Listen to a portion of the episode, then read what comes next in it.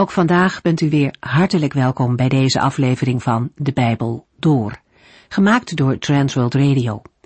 Voor meer informatie kijkt u dan op onze website transworldradio.nl.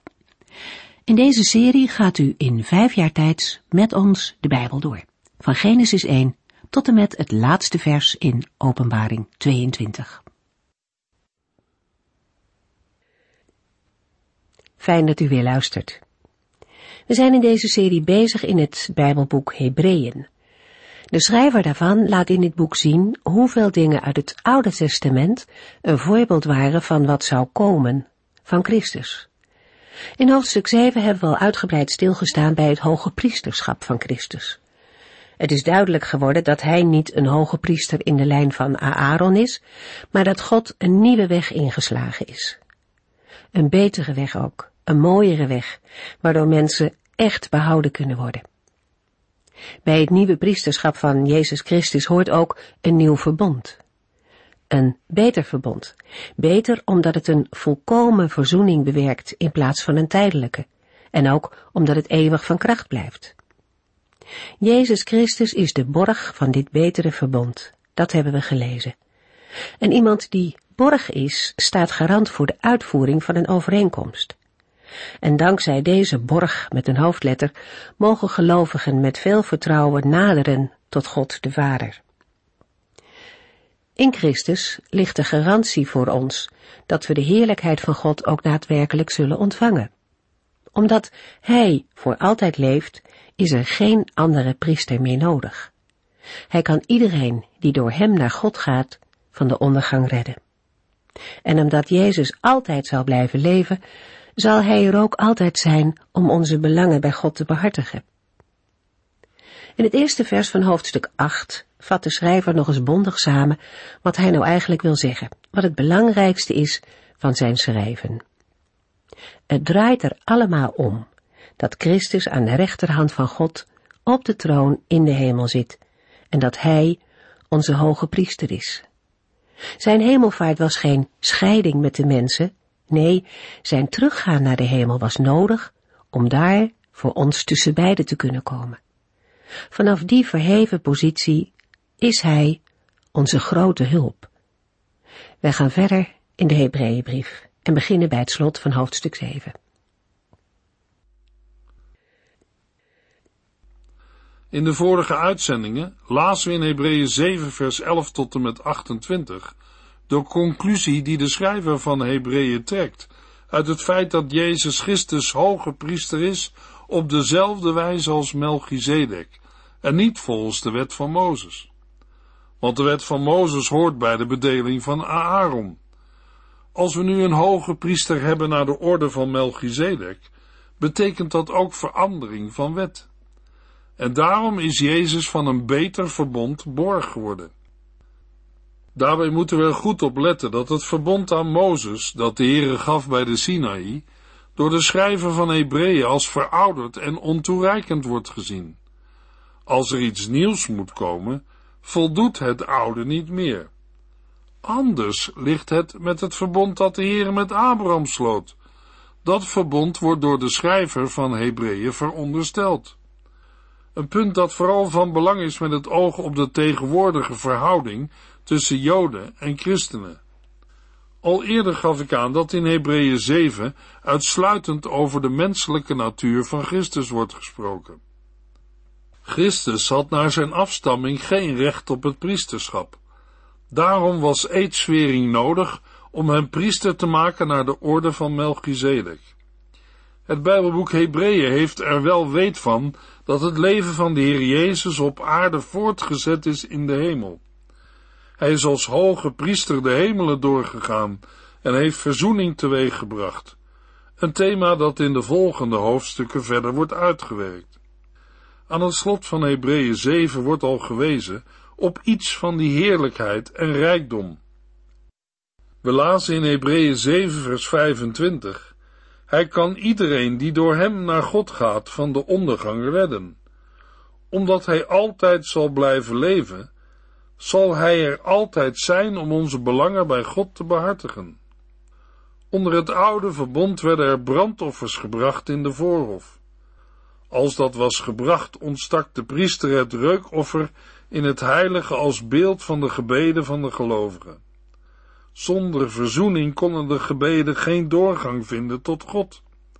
In het nieuwe verbond houdt Christus in het hemelse heiligdom het reukwerk altijd brandende. Het wordt verwoord met de woorden: Hij zal er altijd zijn om onze belangen bij God te behartigen. We zien hier het unieke van het evangelie van Jezus Christus. De weg naar God wordt geopend via de gelovige gemeenschap met Jezus Christus. Hij is degene die u, jou en mij volkomen kan verlossen. Niemand kan iets toevoegen aan wat Christus heeft gedaan om ons mensen te redden. Er is in het christelijk geloof geen zelfverlossing, maar wel een verlosser, Jezus Christus, die iedereen kan redden van de ondergang. Het feit dat Hij de Verlosser is, laat al zien dat wij mensen onszelf niet kunnen verlossen. Ook de offers uit het Oude Testament hebben laten zien dat het bloed van offerdieren ons mensen niet kan reinigen. Maar dat kan Jezus Christus wel. Hebreeën 7 vers 26 Daarom is Hij precies de hoge priester die wij nodig hebben. Hij is heilig, onberispelijk en onbesmet. Hij is van de zondaars afgezonderd en heeft de hoogste plaats in de hemelen gekregen. Aan de offerdieren in het Oude Testament werden strenge eisen gesteld. Met betrekking tot een brandoffer moest het een volwassen mannelijk dier zijn, een rund zonder lichamelijke gebreken. Daaraan moeten we denken. Christus gaf zichzelf als een verzoeningsoffer voor onze zonde aan het kruis. Hij is de enige waarvan we kunnen zeggen dat hij werkelijk heilig, onberispelijk en onbesmet was. Afgezonderd voor de Heere, nooit gezondigd. En hij heeft niet toegegeven aan de verleidingen die op hem afkwamen. Nu heeft hij de hoogste plaats in de hemel gekregen. Hebreeën 7 vers 27 Gewone hoge priesters hebben elke dag het bloed van offerdieren nodig om hun eigen zonde en die van het volk te bedekken. Maar Jezus Christus heeft eens en voorgoed alle zonden uitgewist toen hij zichzelf offerde aan het kruis. Omdat Christus eens en voor altijd stierf voor de zonde van de mensen, maakte hij een einde aan alle oud-testamentische offers. Hij vergaf de zonden uit verleden, heden en toekomst. Christus was en is de vervulling van het oude verbond. Hij bracht het volmaakte offer. Een mens hoeft ook niet op zoek te gaan naar een andere manier om zonde verzoend en vergeven te krijgen. Want Jezus Christus heeft eens en voorgoed alle zonden uitgewist toen hij zichzelf offerde aan het kruis. Hebreeën 7 vers 28 Onder het oude verbond zondigden zelfs de hoge priesters, die ook maar zwakke en zondige mensen waren. Maar later legde God de eed af dat zijn zoon, die voor altijd volmaakt is, voortaan hoge priester zou zijn. Als afsluiting van de bewijsvoering dat het hoge priesterschap van Christus in alle opzichten beter is dan het Levitische hoge priesterschap, stelt de schrijver beide hoge priesters nogmaals tegenover elkaar. De Heere vond het noodzakelijk om na de wet een ander priesterschap in te stellen. De wet stelt mensen aan als hoge priesters. Daartegenover legde de Heer een eed af dat zijn zoon, die voor altijd volmaakt is, voortaan hoge priester zou zijn. Jezus Christus blijft voor eeuwig hoge priester. De Levitische hoge priesters zijn mensen die zwakheid hebben. Zwakheid die zich onder andere uit in zonde en de onvolmaaktheid van hun offerdienst. Daartegenover staat de Zoon, die voor altijd volmaakt is. Daarmee wordt bedoeld dat Jezus Christus door zijn lijden en zijn sterven zijn doel heeft bereikt, namelijk de zaligheid aan Gods rechterhand en een eeuwige verlossing voor al zijn broeders en zusters, een schare die niemand tellen kan. In Hebreeën 9 vers 12 lezen we, eens en voor altijd ging hij met het bloed het allerheiligste binnen en sprenkelde het op de plaats waar de zonden worden vergeven. Maar dat was niet het bloed van bokken en kalveren.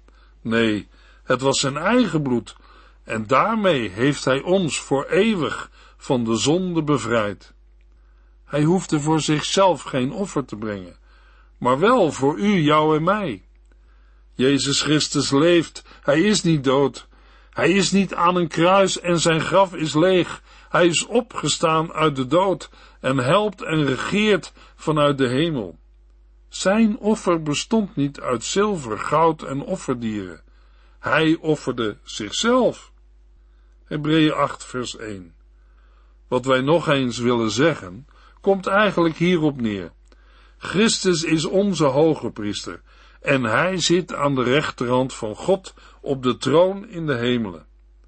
Het meest wezenlijke van de boodschap van Hebreeën is het hoge priesterschap van de verhoogde Heer Jezus Christus.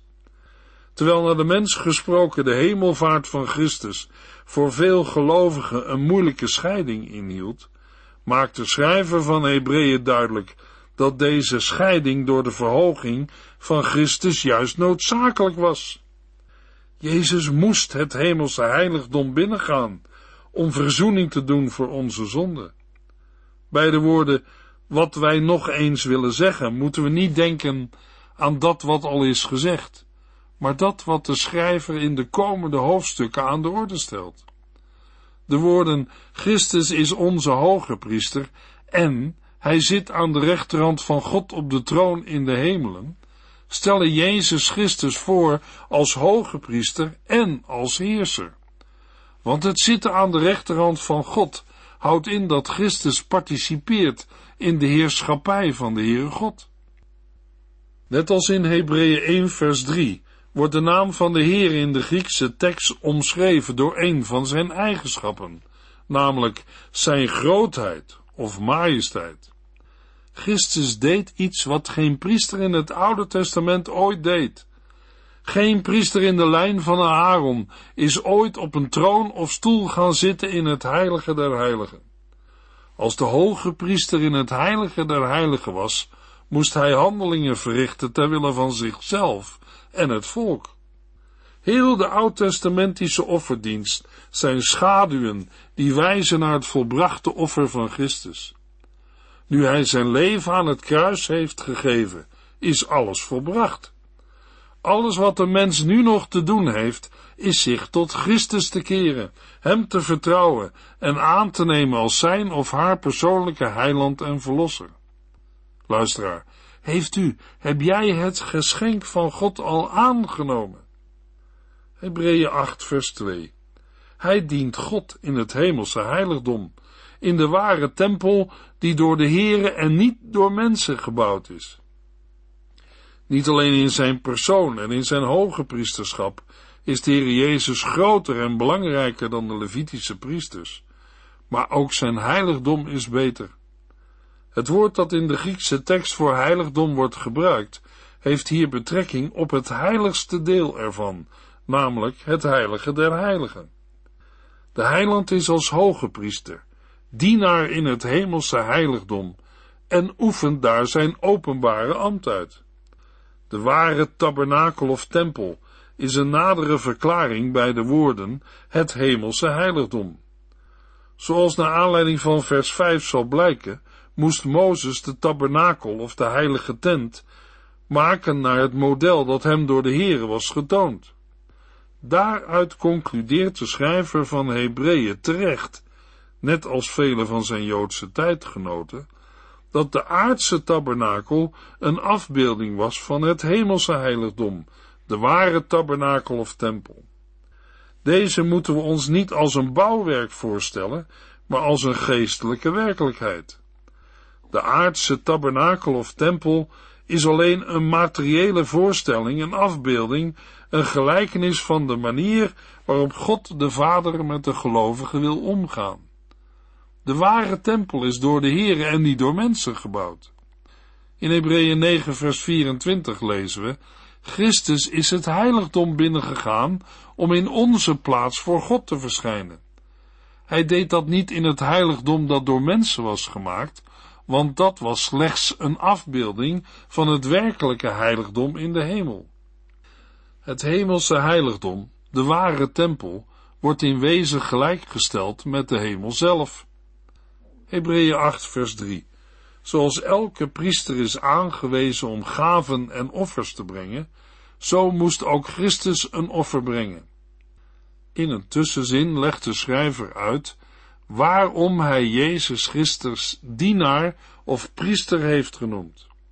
Het hoge priesterschap en het offeren zijn onlosmakelijk met elkaar verbonden. Met die achtergrond was het ook noodzakelijk en logisch dat de Heer Jezus Christus ook een offer moest brengen. De bewoordingen van Hebreeën 8 vers 3a lijken op die van Hebreeën 5 vers 1, waar we lazen, de hoge priester van Israël is een mens die de speciale taak heeft zijn medemensen bij God te vertegenwoordigen. Hij biedt God hun gaven aan en offert hem de dieren die zijn gegeven om niet alleen de zonde van de mensen, maar ook die van hemzelf te bedekken. Het laatste gedeelte van dit vers slaat niet op de Heer Jezus, maar geldt voor de aardse hoge priesters.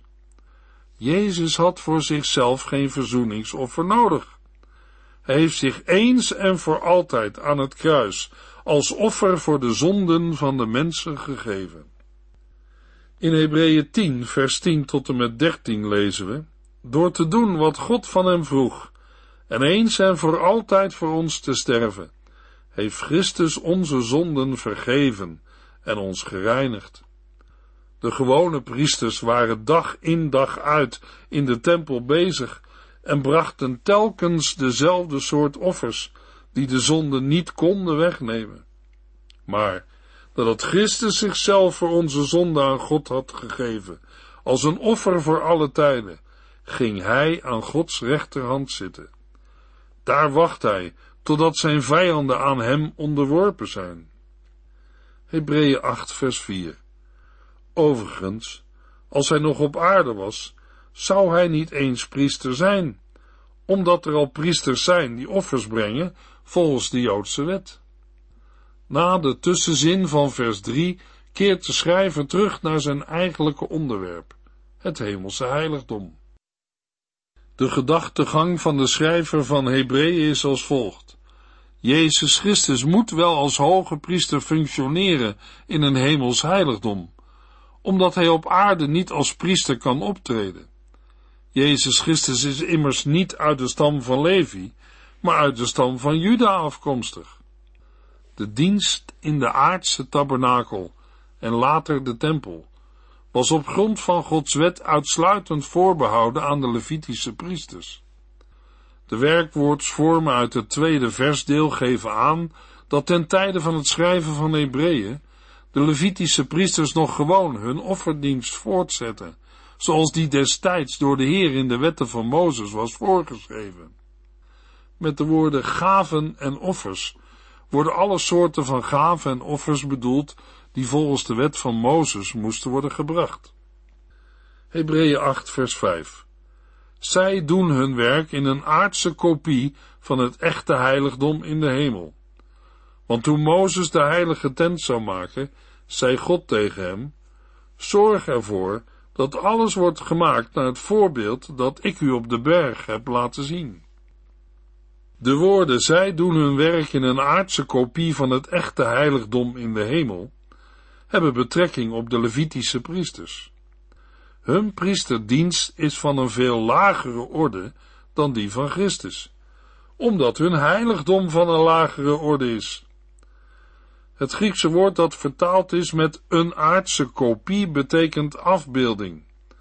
Het kan zowel het voorbeeld zelf zijn, de vorm, het silhouet, een afbeelding, als ook een schets van het voorbeeld zijn. De afbeelding wordt verder omschreven als een aardse kopie of een schaduw van het echte. Dat wil zeggen dat zij vergeleken bij het heiligdom in de hemel geen echte inhoud heeft. In Colossense 2 lezen we gelijksoortige dingen.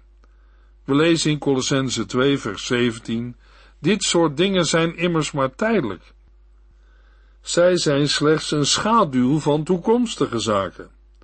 Daarbij gaat het onder andere over voorschriften en gebruiken uit de wet van Mozes. Zij zijn slechts een schaduw van toekomstige zaken. De gedachte dat het aardste heiligdom een schaduw is van het hemelse, zal beslist niet vreemd hebben geklonken voor de gelovigen uit de vroeg-christelijke kerk. De populaire filosofie van Plato leerde een tweedeling tussen een hogere hemelse werkelijkheid en een minderwaardige aardse werkelijkheid die daarvan een schaduw was. We lezen verder in vers 5. Toen Mozes de heilige tent zou maken, zei God tegen hem, Zorg ervoor dat alles wordt gemaakt naar het voorbeeld dat ik u op de berg heb laten zien.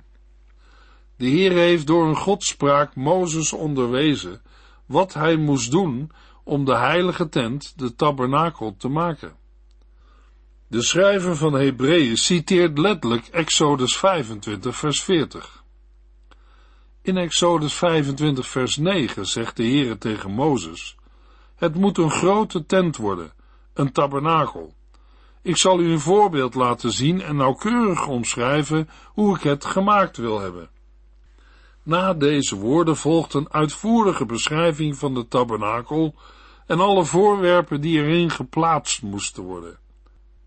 Ook in het Nieuwe Testament lezen we over deze dingen, bijvoorbeeld in Handelingen 7, vers 44, waar Stefanus tegen de mannen van de Hoge Raad zegt: In de woestijn hadden onze voorouders de tabernakel, met daarin Gods wetten. Mozes had die tabernakel in opdracht van God gemaakt, volgens het voorbeeld dat hij had gezien. Uit de woorden naar het voorbeeld dat ik u op de berg heb laten zien, krijgen we de indruk dat Mozes op de berg Sinaï niet de hemelse werkelijkheid zelf heeft gezien, maar alleen een symbolische voorstelling. Hij moest immers een exacte kopie maken van het model dat hem werd getoond. Het eigenlijke hemelse heiligdom is een geestelijke werkelijkheid. We vinden een voorbeeld van zo'n geestelijke werkelijkheid in 1 Petrus 2 vers 5, waar we lezen, U moet zich door God laten gebruiken als levende stenen, waarmee Hij zijn geestelijk huis bouwt. U bent ook de heilige priesters die door Jezus Christus geestelijke offers brengen, die voor God aanvaardbaar zijn. De tabernakel geeft in zijn prachtige eenvoud een beeld van Jezus Christus en zijn verzoeningswerk. De tabernakel is een andere naam voor heilige tent. De zijkanten waren opstaande panelen en aan beide zijden met goud bedekt. De beschrijving en de afmetingen van de tabernakel kunt u vinden in Exodus 25 tot en met 31. De tabernakel zelf bestond uit twee vertrekken. Het eerste vertrek werd het heilige genoemd en daarin stonden drie meubelstukken, te weten de gouden kandelaar, de gouden tafel met de toonbroden en het gouden reukofferaltaar waarop wierook werd geofferd. De kandelaar was een beeld van Christus als het licht van de wereld. De tafel met de toonbroden symboliseerde Christus als het brood des levens. Het gouden reukofferaltaar sprak van Christus, onze grote middelaar die voor ons pleit. Na het eerste vertrek kwam het tweede, het heilige der heiligen. Op de grote verzoendag ging de hoge priester door het gordijn of het voorhangsel van het heilige naar het heilige der heiligen. In het heilige der heiligen stond de ark van het verbond, die uit twee delen bestond, namelijk de kist van hout, bekleed van binnen en buiten met goud. En in de kist lagen de tien geboden, geschreven op stenen parkettes, en een kruik met manna en de staf van Aaron die bloeide. De tien geboden spreken van het feit dat de Heer Jezus Christus kwam om de wet te vervullen. En Hij is de enige die aan alle voorschriften van de wet heeft voldaan. De kruik met manna spreekt van het feit dat Jezus Christus ook vandaag het levende brood uit de hemel is. De staf van Aaron die bloeide spreekt van de opstanding van Jezus Christus. Het tweede gedeelte van de ark van het verbond bestond uit het verzoendeksel, met erop twee gouden gerubs. Eén keer per jaar sprenkelde de hoge priester bloed voor zichzelf en het volk op het verzoendeksel, ter verzoening van de zonde. De ark van het verbond was de plaats die de Heere had gekozen om zijn volk te ontmoeten. Rondom de tabernakel was een hof, omgeven door een linnen omheining. In die hof stonden twee meubelstukken. Het eerste was het koperen brandofferaltaar, waar offers werden gebracht, en het tweede was het koperen wasvat, waar de priesters zich konden reinigen voor zij dienst deden. Toen de Heer Jezus stierf aan het kruis, scheurde het grote gordijn, het voorhangsel, van boven naar beneden. Het geeft aan dat hij voor altijd de weg naar God heeft geopend, en met volle vrijmoedigheid mag een mens naderen tot God. Onder Israël stond de tabernakel in het midden van het woestijnkamp. De tenten van de verschillende stammen stonden er omheen. Boven de tabernakel stond overdag de wolkolom en s'nachts de vuurkolom. De priesters waren er druk in de weer om alles uit te voeren zoals de Heer had bevolen. Met het beeld van de tabernakel op de achtergrond lezen we nu Hebreeën 8 vers 6. Maar Christus, de hemelse priester, heeft een veel belangrijker taak gekregen dan de priesters van Israël. Door zijn bemiddeling heeft God een nieuw verbond met de mensen gesloten, dat beter is, omdat het op betere beloften steunt. In vers 5 werden ook Mozes en de berg genoemd. Daarmee komt automatisch de verbondsluiting binnen het gezichtsveld. In Hebreeën 8 vers 6 vindt dan ook de overgang plaats van de behandeling van het betere hoge priesterschap naar het betere verbond. Maar daarover meer in de volgende uitzending. Dan lezen we verder in Hebreeën 8. U heeft geluisterd naar De Bijbel Door, in het Nederlands vertaald en bewerkt door Transworld Radio. Een programma waarin we in vijf jaar tijd de hele Bijbel doorgaan. Als u wilt reageren op deze uitzending of u heeft vragen, dan kunt u contact met ons opnemen. Tijdens kantooruren kunt u bellen op 0342 47 8432. 0342 47 8432. Ook kunt u een e-mail sturen naar de en natuurlijk kunt u ook via de post ons bereiken. TWR, postbus 371, postcode 3770, AJ in Barneveld. Dit programma werd gepresenteerd door Cor Weda en Ike André. Techniek was in handen van Odin van Voerkom. En wij allemaal bedanken u voor het luisteren. Graag tot de volgende keer.